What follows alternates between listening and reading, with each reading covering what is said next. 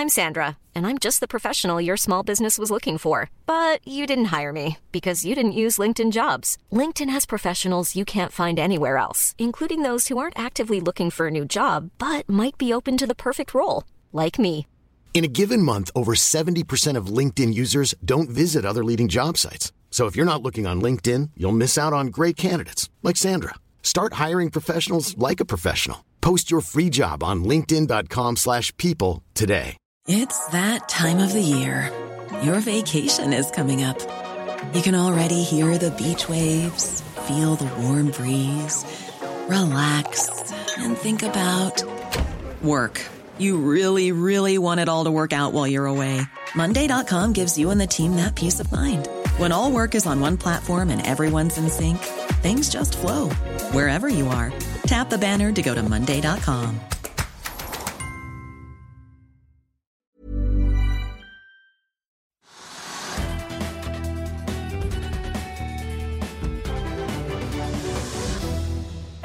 til Økonominyhetene i dag, fredag. I dag skal vi se nærmere på hva som skjer på Oslo Børs. Vi skal se innom Asia og Europa. USA-børsene åpner jo ikke før etter at vi er ferdig med sendingen, men vi skal ta en titt på de, hvordan de ligger an. I tillegg så skal vi få uken oppsummert, men vi begynner her hjemme med Oslo Børs. Trygve, akkurat nå er vi ned 0,7% Ja, markedet har vært nesten litt mer også, men eh, tatt seg litt inn igjen og er ned 0,6 og 0,7 og det, det er ikke så veldig mye som skjer. Eh, Det eh, viktige vi kan se, det er at oljeprisen har holdt seg relativt høy. Den har vært over 50 dollar på fat på brentoljen. Den er litt under nå, men den er rundt 50 dollar på fat. Men det regnes ikke 50 dollar per fat som et sånn slags eh, hva heter det, nytt gulv eller, eller tak? Hva kan man si? Ikke, men noen mener at, liksom, at det er viktig at den passerer 50 dollar på fat.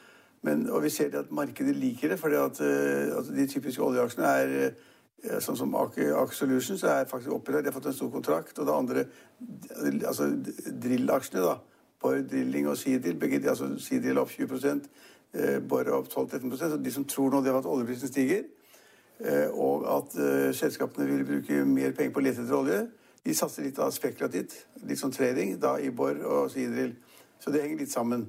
På den annen side så er da andre oljeaksjer litt ned, så det er, det er særlig de aksjene som går på å lete, at oljeselskapene skal bruke penger. Og da må de liksom ta inn rigget til høyere rater.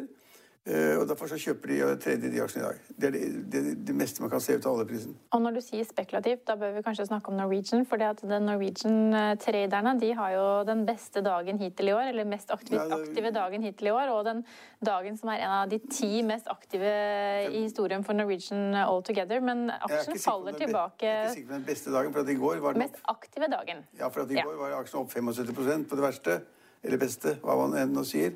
Og i dag så har da aksjen på det verste eller beste vært ned 15 og akkurat nå er den ned bare 7, da. Ja, Syv og en den halv. har tatt seg Ja. litt inn igjen. Men det er en tradingaksje som, det, som jeg sa i går, og det har sagt det før også, det er ingen mulighet til å finne frem til en reell god pris basert på liksom kunnskap, altså med to streker, to streker under svaret og, og regne på det. For den aksjen kan like godt gå i null som man skal gå i én krone, og nå ligger den rundt no- noen 80 øre. Ja, men, men er, det er jo en betydelig høyere kurs enn man har sett på lenge. Ja, men det er fordi det er kjempemange som spekulerer i den aksjen. Altså, det er større omsetning i Norwegian-aksjen enn det er i Equinor. Eh, Det er snakk om liksom omsetning på over 1 milliard kroner. I dag er det også 600 millioner kroner. Det sitter folk som koser seg hver dag og trader i den aksjen og håper å få riktig liksom, retning når aksjen går opp eller ned. Eh, Men vi som gjerne vil se på verdiene bak, si liksom at hvis vi sier at en aksje vi tror den er billig eller er dyr, så er det basert på noen, noen, noen regnestykker. Og de regnestykkene finnes ikke på Norwegian, for det er nesten ingen som klarer å regne, regne ut hvor mange nye aksjer Norwegian vil få når massevis av gjeld er konvertert til aksjer, og de aksjene skal selges i markedet og kanskje kjøpes i markedet. Og så er det da disse forhandlingene i Irland hvor man skal, på en måte har fått eh, en sånn beskyttelse mot konkurs. Og det har man også fått i Norge, vi har et nytt lovverk i Norge som er noe lignende av Chapter 11 og en sånn konkursredning, da. Eh, alt det flyter jo, og man skal holde på unnskyld, et par måneder og bli kvitt gjeld. Hvis man ikke får det til, så vil da selskapet ta enda mer penger fra markedet, for det må de nesten uansett, ny egenkapital.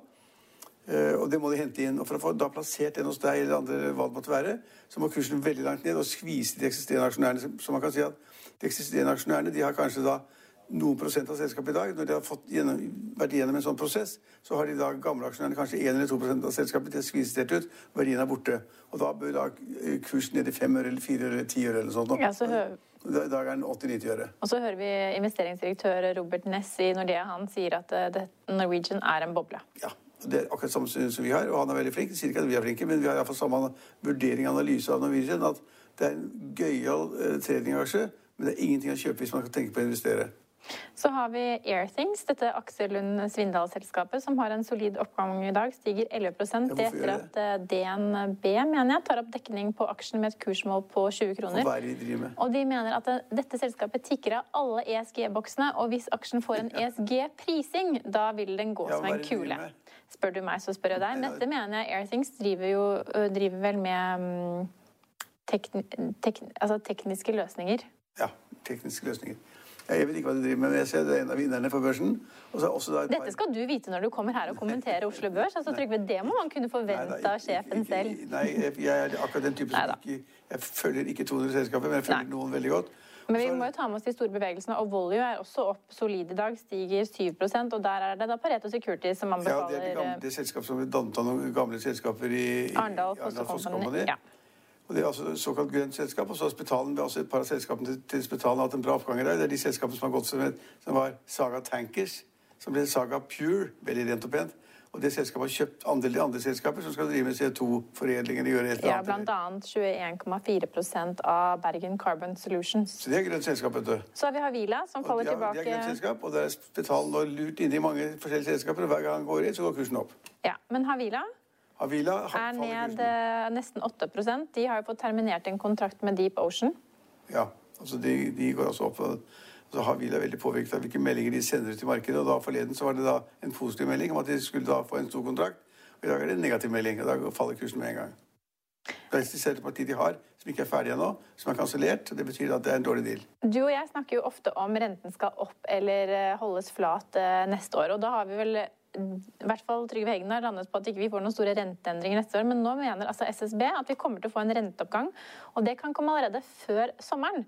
Da legger de til grunn økt økonomisk aktivitet. De legger til grunn at vi får vaksinering, og at smitte, smitte, koronasmitten vil være avtagende. Hvor var spørsmålet? Ja, er, er, du nå, er du enig med SSB, eller? eller? Nei, jeg er ikke enig med SSB.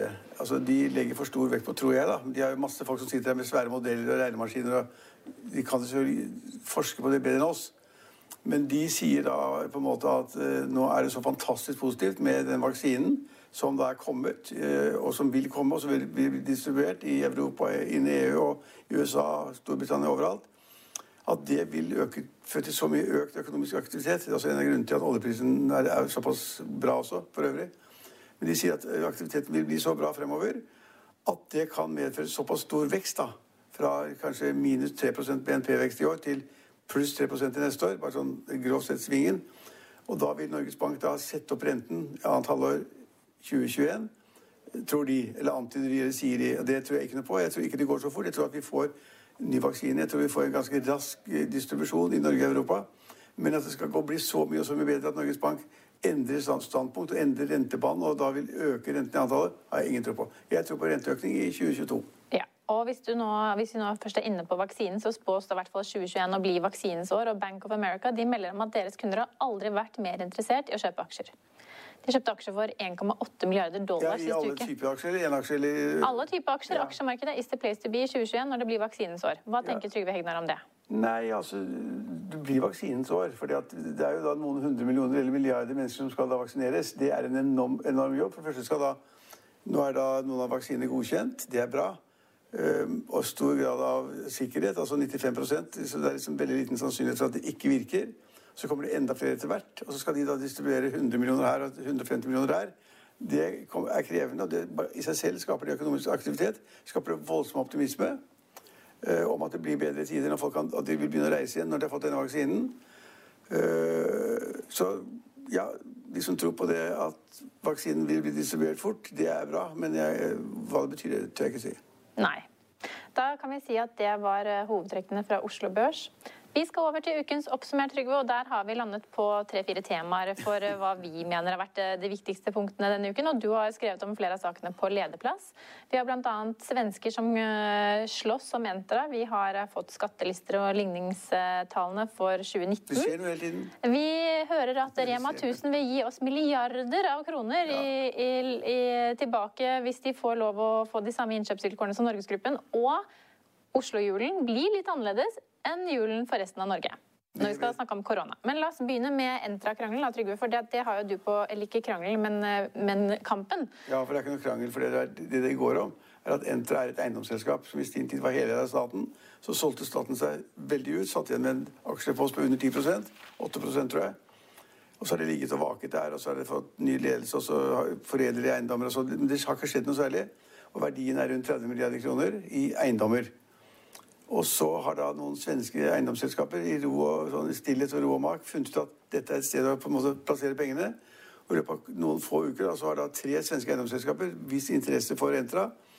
Uh, også, det er det SBB altså, som var først ute, og så var det Castellum som nummer to. Og så har vi nå fått inn Balder som Balder, nummer tre. Og da, Det har vært frem og tilbake, og, og, og de som kom først uh, AB, AB, SBB. SBB, ikke ABB, SBB Eh, de er veldig fornærmet, for de mener at de har ikke, har ikke fått riktig håndtering fra styrets side. Styret har da en plikt, mener vi, og det har de, det har de rett til å undersøke om bud er gode. og Da har styret en plikt til å da komme med en anbefaling til aksjonærene hva de bør gjøre osv. Men styret har vært ganske passiv i Entra og har ikke vist noe særlig interesse for at utlendinger skulle kjøpe opp. Og så mente da det ene selskapet at uh, vi blir forfordelt. Det ser ut som styret ønsker at et annet selskap skal være aksjonær, eller hovedaksjonær. Og så plutselig dukket kunne da Balder opp som tredje selskap. Men bare for å ta det andre selskapet, Castellum, de fikk jo til, altså de fikk jo kjøpt statens aksjer i Entra. De kjøpte statens aksjer, så de har en aksjepost i selskapet. Eh, og, eh, og eh, hva var det kalt igjen? EBB? SBB, det første selskapet. SBB. Ja, de, har ikke, de har ikke kjøpt noen ting. Så de ligger og vaker. Så det er, det er, men det er en krig mellom de tre selskapene, hvor et, et har trukket allerede. Og så vet man ikke hva som skjer. Og så mens dette pågår, midt i denne liksom, hete diskusjonen, så kom styret med en ny verdivurdering av eh, verdiene i eiendomsmassen og sa da at nå har vi sjekket hva vi egentlig eier i dette selskapet, og vi tror det er 5-6 milliarder mer enn vi trodde for bare noen uker siden. Og det må jo påvirke kursen. Og, og, men vi vil ikke ta stilling til hvilket av selskapene vi tror er best for selskapet, av de som har kommet. Og der er da kursen har ligget av det ene Første gang det kom ut, så var det 165 kroner, hvis jeg husker rett som da besto av en kontantdel Andel, ja. og, da aksjer i det kjøpende selskapet. Uh, og så kom det et nytt bud. Det var også da aksjer og en kontantdel. Og det da var ikke 565, men det var 170. Ja. Og så føyk kursen opp til nesten 180, og så har den gått ned igjen. Nå ligger den på 170 eller 172 eller 173 kroner. Og det er en helt åpen situasjon. Hva som skjer da med Entra nå?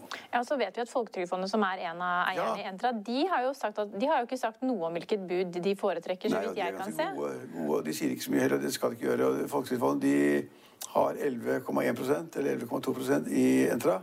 Og de har ikke sagt noen ting. De selger sannsynligvis til den høyeste, best mulige kursen de kan få. Eh, eller blir sittende. Så, og en aksje, annen aksjonær, Marius Borten, mener jo at aksjen er verdt to, altså selskapet er verdt 200 kroner per aksje. Ja, det tror jeg ingenting på.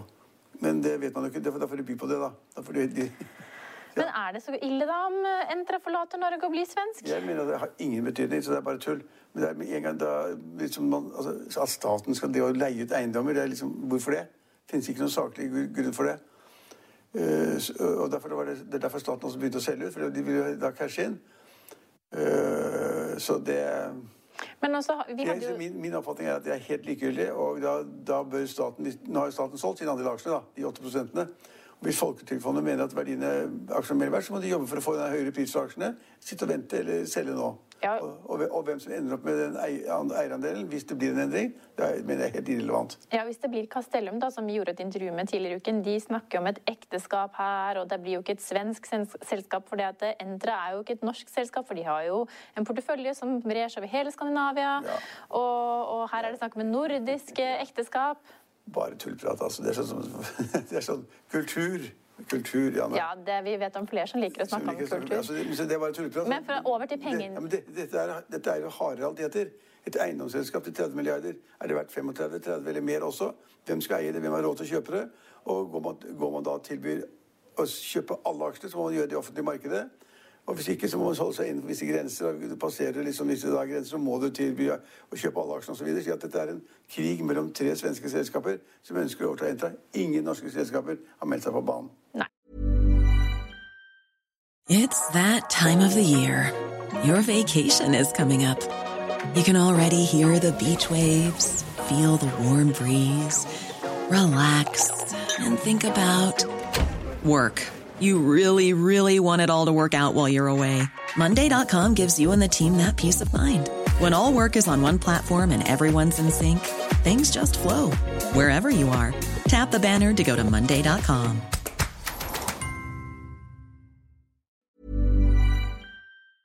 I'll see you in court. Vi sier det ofte litt på spøk, men for deg som driver business, er det aldri moro å innse at du ikke har laget en 100 gyldig kontrakt. Du bør ikke risikere hele firmaet ditt fordi du synes dette med kontrakter er litt stress. En avtale er ikke en avtale. Du kan miste kunder, miste venner, ja, til og med miste inntekter om du ikke lager en skikkelig kontrakt, på alt mulig, egentlig. Men vi vet det er et styr. Kopimaskiner, tregprinter og haugevis av papir. Dessuten stoler vi jo på folk her i landet. Det er ofte litt kleint å skulle be om en signatur for alt mulig, ja, for mye av styret handler også om jakten på underskriften. Det finnes en enkel måte å løse dette på, Dukkobit, en trygg, effektiv og get this, gratis måte å sikre seg en god natts søvn pluss en juridisk bindende avtale. Dukkobit-appen har de strengeste sikkerhetskrav i bunn, samt en EU-godkjent og sertifisert teknologi. Framover vil det bli behagelig å spørre du, skal vi skrive under på det, eller? Kom i gang på dokobit.no. Og så skal vi over til det vi snakket om mye om på tirsdag, det er nemlig skattelistene basert på ligningstallene for 2019. Eh, der var det flere endringer, og bl.a. en rekke av landets rikeste var oppført med en inntekt på null. Og du sier null inntekt, null problem. Ja, det er fordi at, fordi at det er mange politikere, særlig blant de rød-grønne, og særlig Arbeiderpartiet, som snakker om at, at det er så mange null skattytere. Det er feil. Det er, mange, det er ikke mange heller, forresten. Det er feil. Det er, mange, det er, en del av de velstående som har null i inntekt. De har ikke da fått lønn eller utbytte det året. Og null i inntekt er selvfølgelig null i inntektsskatt. Da det, akkurat det, da er det null i inntektsskatt. Men så har de da store formuer, så betaler de 200 millioner, eller 300 millioner eller 400 millioner kroner i formuesskatt. Ja, annet Røkke, som har en ligningsformue på 19,4 milliarder. Han betalte 165 millioner i ja, formuesskatt. Null i inntekt, ikke sant. Og ja. det er altså døtrene til Johan H. Andresen, som da eier Ferd-konsernet. Veldig stort selskap. Flinke mennesker. Eh, de har heller ikke inntekt, de har ikke fått noe lønn for jobben de gjorde. hvis de gjorde en jobb. De har ikke fått noe utbytte heller. Så sitter de med null inntekt, men da en kjempeformue, og betaler da flere hundre millioner i formuesskatt hvert år. Så skal, det, I Norge skal det faktisk Eline, godt gjøres å ikke betale skatt. Fordi at De som har litt penger, de er ofte da eierandeler i selskaper, personer, små selskaper eller større selskaper. Mange sitter i styret, da får de styrehonorar. Det er inntekt. Eller de får lønn. Da er det lønn. Eller de er med andre forskjellige ting. Men det tikker inn inntekter hele tiden. Så, så det skal godt gjøres ikke å få inntekter i Norge. Ja. Og så betaler man masse formuesskatt, og den skatten er ganske krevende. Og noen er jo da i en situasjon hvor de da må ta ut utbytte eller lønn i selskapet for å betale formuesskatten. Det er noen politikere som, ikke, som tror de at de pengene de betaler formuesskatt, de må komme et sted fra. De ligger ikke på gata. Du kan ikke spille i Lotto. Du kan ikke spille på tipping. Altså, det er ikke der pengene kommer. De er nødt til å gjøre et eller annet. Og normalt er det da slik at man tar ut utbytte eller forlønner selskapet. Og de pengene bruker man da på formuesskatt. Og til andre ting. Og så, Dette er jo da tallene for 2019, og så vet vi i 2020 så er det flere da som har overført verdier til barn og familie, hytter og eiendom, ja, eh, i frykt arve...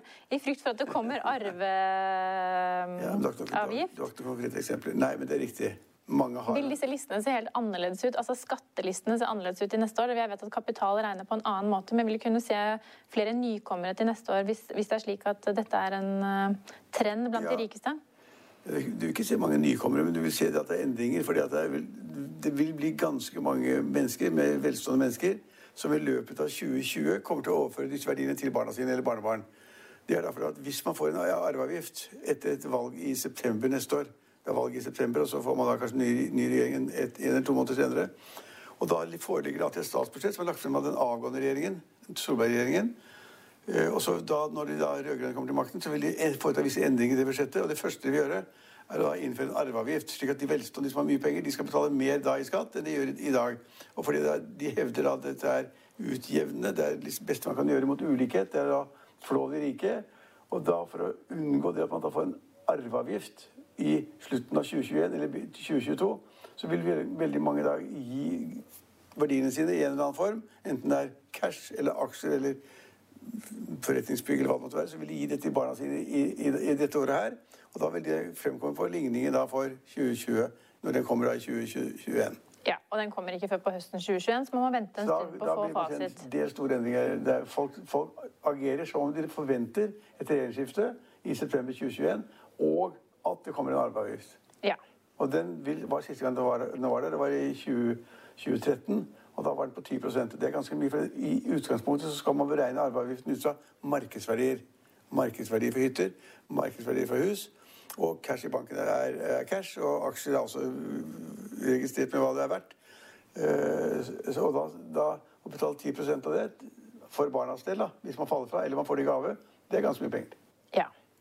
Så er det noen som vil spare oss for penger, Trygve. Vi var så vidt innom det når vi fortalte hva vi skulle snakke om i Oppsummert. Men Rema 1000 og Ole Robert Reitan frir nå til staten og sier at hvis de får samme innkjøpsbetingelser som Norgesgruppen, så vil de spare deg, meg og resten av forbrukerne i Norge for milliarder av kroner hvert år. Ja, de tøyser så fælt. Altså, Ole Robert Reitan er en spøkefugl. Eh, Men det, dette er egentlig et ganske alvorlig problem, som jeg har skrevet om ganske mange ganger. Og det er det at eh, altså Rema 1000, som da Reitan eier med sin, med sin familie, og, eh, og Coop, som er da liksom noe annet, kooperativt, eh, de er mye mindre enn Norgesgruppen. Og Norgesgruppen er et kjempe altså selskap med masse forskjellige merker. Ja, blant Kiwi. Meny, Jacobs. Ja, masse. Eh, Og de er så store. De har mer enn 40% av dagligvaremarkedet. Mer enn 40% Det er veldig mye. Og når de kjøper da fra uh, Tine eller, eller Orkla eller eh, de andre selskapene som leverer melk og brød, eller melk og, brød og kjøtt og hva det måtte være Når du er så stor som Norgesgruppen, så får du sitte forhandle hvis, Altså hvis jeg er Norgesgruppen, da, og du skal selge meg øh, en annen vare Ja. Melk og brød eller yoghurt Ja, eller jeg vet ikke hva. Ja. Ok, jeg gidder ikke betale mer enn 10 kroner øh, literen for melken. Og så sier du at øh, Må i hvert fall betale 15, si. Ja, ja, ikke sant. Og så sier jeg nei, jeg er så stor at hvis ikke jeg får det som jeg vil, så kjøper jeg heller annen melk eller annet brød eller annen ost eller annen kålhode eller annen tomat eller hva som helst. Eller jeg kjøper ikke pizza på Orkla hvis ikke jeg får prisen ned to kroner per pizza eller hva det måtte være. Så er en kjempeforhandlingsmakt i Norgesgruppen. Kjempe. Og den utnytter de. Og da sier Ole Robert Reitan at det er jævlig at de får så mye lavere priser enn meg. Jeg selger også pizza i butikken. Jeg selger også gulost og brunost i butikken. Så jeg vil egentlig ha de samme innkjøpsprisene som Norgesgruppen. Det er tøvete sagt. Når de er så store som Norgesgruppen, så får de en volumfordel. De kjøper inn mer enn andre og får da lavere priser. Sånn er det. Det er liksom kjøp, det er, det gi og ta, og tilbud etterspørsel i markedet. Og da er Ole Robert Reidan jævlig fornærmet over, for han vil helst at staten skal bestemme at han skal betale det samme for osten som Norgesgruppen, som er dobbelt stor som, som Rema 1000. Og så sier, han, sier Reitan at hvis ikke, hvis ikke regjeringen gjør noe med det, så blir jeg forbanna. Da må jeg slå meg sammen med, med Coop i innkjøpssamarbeid. Eh, Men staten må ordne opp her. For vi da, og, og vi sier han, hvis jeg får lov til å kjøpe bru, melk Billigere og brus og- ja. hvis jeg får til samme priser som Norgesgruppen, så kan jeg senke alle mine priser, slik at forbrukerne får spare 4-5 milliarder kroner i året. Det er jo bare tull, vet du. Hvis han fikk lavere innkjøpspriser på samme nivå som Norgesgruppen, så ville han og resten av familien tjene mer penger. Ja, Og fått høyere kanskje- margin på Ja, ost og stekeskinke. Kanskje bitte litt lavere priser, men han vil klart putte mesteparten av pengene i lomma. Ja. Naturlig. Og, og, og man må jo egentlig anta at alle norske dagligvarer har eh, høyere omsetning nå, for ikke kan vi reise til Sverige over grensen for å handle mat. Og de der er bittes, men, eh, men når den grensehandelen åpner igjen, så Så flykter nordmenn til Sverige igjen. Ja. Og poenget Det er jo ikke bare snakk om å kjøpe sjokolade som er litt billigere i Sverige enn i Norge, fordi de, de ikke har sukkeravgift, som den skal man ta bort i Norge. Men det er jo hele spekteret av varer. Altså Alt er billigere i Sverige, uansett hva du kjøper. Enten det er kjøtt eller fisk eller sko eller klær eller røyk eller øl eller vin eller brennevin. Alt er billigere i Sverige. slik at De som reiser til Sverige, de fyller jo bilen. Så de, de reiser dit uansett. Og så er det mange som mener at det er en sosialt hyggelig sak. og Jeg, jeg fatter jo ikke det helt, men å reise da til et sånt eh, kjøpesenter på, svenske, på den andre siden av du kan jo reise litt lenger inn. da. Du kan jo reise til Strømstad, som er en liten sånn havneby. Ta båten over til Kosterøyene. nei, det gidder jeg ikke, men mange gjør det. Og det er på en måte da er litt dumt å tro at det bare henger sammen med prisen på røyk eller snus. Snus. Snop og snus i ett ord. Ja. Som, det, det, man, man, tenker at folk reiser over da for de skal få billigere eh, snus. Altså, det, det er en pakkeløsning. Folk vil ha mer av alle typer varer. Derfor hjelper det ingenting at regjeringen nå i, i budsjettet setter ned da avgiften på sukker, eller tar den bort. Og setter avgiftene på vin og brennevin bitte litt ned. Det hjelper ingenting. For nordmenn kjøper altså Varespektet vi kjøper i Sverige, er mye, mye større. Ja, Og så er jo for så, for så vidt sikkert rabattene også høyere ved å handle det der enn de små avgiftslettelsene man får Nei, av nei, det, det, er altså, det er mye billigere uansett. Ja. Ja, så, så da, da Ole Robert Reitan vil ha lavere innkjøpspriser Alle vil ha det. Altså, Vi vil også gjerne betale mindre for papir i Finansavisen. selvfølgelig. Vi vil gjerne betale mindre for olje for å varme opp bygget. eller altså Alle vil betale mindre for det de kjøper inn. Det vil også Ole Robert Reitan. Men han sier at hvis jeg får til det, så skal forbrukerne få alt sammen. Det tror jeg ikke noe på. Men det en ting som i hvert fall er sikkert, er at julehandelen skjer i Norge i år. Så all mat som kommer på bordet, kom, er kjøpt i Norge. Ja, for Hvis du er til Sverige, så må du, må du ha karantene i ti dager når du kommer Og tilbake. det gidder man ikke. Men, Ikke noen gjør det. men vi pleier å avrunde sendingen av i hvert fall oppsummert-delen med å liksom dra gjennom de viktigste koronaoppdateringene fra uken. Og den viktigste oppdateringen denne uken var vel at vi fikk eh, svar på hvordan Oslo skal feire jul. For resten av landet fikk jo beskjed om sist gang vi hadde sending at de kunne feire med ti pluss eh, kjernefamilien sin To ganger. to ganger. Mens i Oslo, Trygve Der er det, der er det altså i, I resten av landet så er det da, er det da eh, familien pluss ti. I Norge så er det slik at du må ha ti, det inkluderer familien. Hvis familien består av fire, så kan du bare ha seks gjester. Så det er strengere i Oslo enn i resten av landet. og Det er fordi at Raymond Johansen mener at det er så ille i Oslo, eller så skummelt, at han vil ha strengere regler enn resten av landet. Ja, men så vet vi jo også at det mener, er ja, men bare- altså, disse tallene er jo helt Altså I Norge så var det i går husker jeg ikke det, men 350-360 nye smittetilfeller. I, hvor, hvor mange var det i Sverige som du har godt kjennskap til? For du reiser jo frem og tilbake til Sverige. Det er lenge siden jeg reiste ja, frem og tilbake til Sverige. da. Hvor mange var det i Sverige Eh, Men det var betydelig høyere. Ja, hvor mye var det? Nei, det husker jeg faktisk ikke, Trygve. 8000? Ja. ja, men mot Norges 300-400. Altså I Sverige er det en krise. Ja, men det vi sier gjentagende Sverige er en krise, de har ikke sykehuskapasitet, og de har et smitteutbrudd som er helt vilt. Og du som har vært så mye i Stockholm, du vet at i Stockholm så er folk gærne. De sitter på barer og restauranter og overalt hele tiden og menger seg. Og det har de gjort hele tiden siden mars. Det har ikke vært noe, altså Ungdommen og andre har vært ute hele tiden. Så at smittetilbøyeligheten i Sverige er vanvittig mye større enn i Norge. Og Norge er bare rett og slett best i klassen, for du kan sammenligne oss med hvilket som helst land der ute, og vi kommer likevel best ut av det Ja, vi har få, få Ja. som ligger på sykehus, få som dør, få som smittes. Og likevel så strammer de voldsomt til i Oslo. Ja, for det at Raymond Johansen sier jo at ja, vi ser at smitten har gått noe ned, men den er ikke synkende. Den er akkurat nå kanskje i beste fall flat. Og vi skal fortsatt ha den ned, og da må vi holde reglene strenge. Og de kommer til å gjelde til var det 7. januar? Ja, ut i januar. Men jeg, jeg tror at tallene er synkende ganske kraftig på landsbasis. I hvert fall helt sikkert. Ja, Men nå forholder vi oss bitte lite grann til Oslo, da. Ja, men det, liksom, det, det henger litt sammen også. Så, så, Men får vi denne vaksineringen i gang over jul, så kan jo det bety at man kommer raskere sykdommen til livs, eller viruset til livs. ja, og da er det spennende hvor, hvor altså, raskt eller tidlig de løsner litt opp, da. Det er enklest, Nå får man ikke en øl på en restaurant engang, får ikke et glass vin engang. Man får ikke lov å trene. Får ikke lov å tennisspiller som meg. Får ikke lov å trene i innendørshaller. ikke sant? Jeg spiller jo da mot en annen kar som er 50 meter unna. Altså, Hva skal jeg bli smittet av, liksom? Det er jo bare surr. Dere bruker kanskje samme inngang eh, til og fra hallen, Ja, men inngang, Vi går inn i dører hele tiden overalt. Altså, Den der, den der smitten med nærkontakt det er da hvis du har vært sammen med en person i mer enn et kvarter. Under to meter. Ja. Å passere en dør hvor det har gått en annen tennisspiller altså, men, Men- men kan vi men jeg er for strenge regler. Ja. Jeg vil gjerne bli kvitt det, men nå, nå kom vaksinen. Nå skal vi bli friske alle sammen. Men bare to år om de støtteordningene. For slik jeg har forstått det, så gjelder de støtteordningene kun ut mars. Støtteordninger? hvor du blir kompensert hvis du har permitterte, ikke sant? Jeg snakker om økonomi nå, altså. Øko rett over til den økonomiske delen av det. For nå er det jo slik at hvis, hvis ikke disse støtteordningene forlenges, da, lenger enn til mars, de bør kanskje forlenges frem til sommeren. For det kan jo da hende at bedrifter nå finner ut at vi har ikke, hvis ikke vi får lenger støtte, så har vi ikke råd. Altså, da må vi kanskje si opp istedenfor å permittere. Det er riktig. Altså, Og da kan den bølgen av oppsigelser komme nå rett opp under jul. Ja, over jul, sannsynligvis, mot mars. Da går de mest beste ordningene for permittering ut, og da må bedriften avgjøre om de skal sparke folk endelig og godt, eller om de da på en måte skal la de gå permitterte fortsatt, men på andre vilkår enn i dag. Og vi er ikke over krisen, men altså hvis det blir vaksinering og massevaksinering i januar-februar, så er vi, er vi over krisen, og da må myndighetene løse opp ut i april, mai, juni. Ja, Tror vi. det tror vi. Da begynner flyene å gå igjen. Og, folk, og så skal jo folk til sommeren. Hvis de ikke får lov å reise til, til Spania eller Frankrike, Italia, Danmark eller Polen eller hva de måtte ønske Hvis de ikke får lov til å reise dit i sommer heller, så må de reise inn innen inn Norge. ja, da kommer det nok til å bli økt eh, turismetrykk på bl.a. Lofoten og Geiranger. Geiranger, Overalt. Tromsø. Ja. overalt. Det var eh, ukens oppsummert.